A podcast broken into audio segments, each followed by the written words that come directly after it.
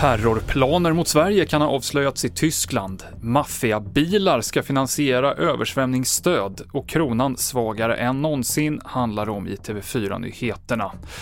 I söndags kväll dog en tioårig flicka i Svedala efter att ha fallit från taket till en skola. Nu så är en person misstänkt för vållande till annans död, rapporterar P4 och åklagaren uppger för radion att det är ett barn under 15 år men hon vill inte gå in närmare på omständigheterna. Två bröder ursprungligen från Syrien har gripits i Tyskland misstänkta för att ha planerat ett terrorattentat mot en kyrka i Sverige.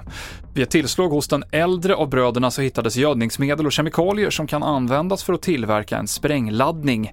Åklagare i Tyskland vill inte uppge vilken kyrka det handlar om, men säger att ett möjligt motiv kan vara koranbränningarna i Sverige, som det har rapporterats om i tyska medier.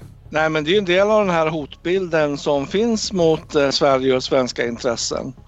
Eh, koranbränningarna är ju en, en, del av den hotbilden tyvärr. Så att, eh, det är väl en rimlig tolkning av det hela. Mm. Sen får vi se vad som framkommer här under utredningen. Det sa terrorforskaren Hans Brun.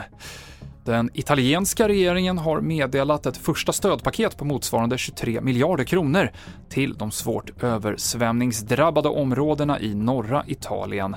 För att bekosta hjälpen ska lyxbilar som beslagtagits från maffiamedlemmar säljas och inträdet till statliga museer tillfälligt höjas.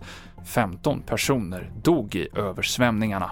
Och kronan har tappat stadigt mot euron den senaste tiden och nu så kostar en euro 11 kronor och 49 öre, vilket är den svagaste kursen sedan början av 2009, just efter den stora finanskrisen. Rensar man bort den kortvariga toppnoteringen så har kronan aldrig varit svagare än nu. En dollar kostar 10 kronor och 66 öre. Det är däremot inte några rekordnivåer. Och det avslutar TV4-nyheterna. I studion idag Mikael Klintevall.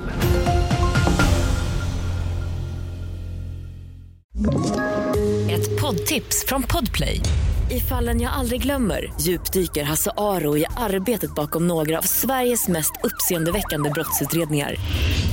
Går vi in med hemlig telefonavlyssning och, och då upplever vi att vi får en total förändring av hans beteende. Vad är det som händer nu? Vem är det som läcker?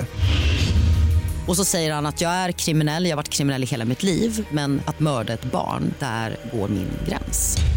Nya säsongen av Fallen jag aldrig glömmer på Podplay.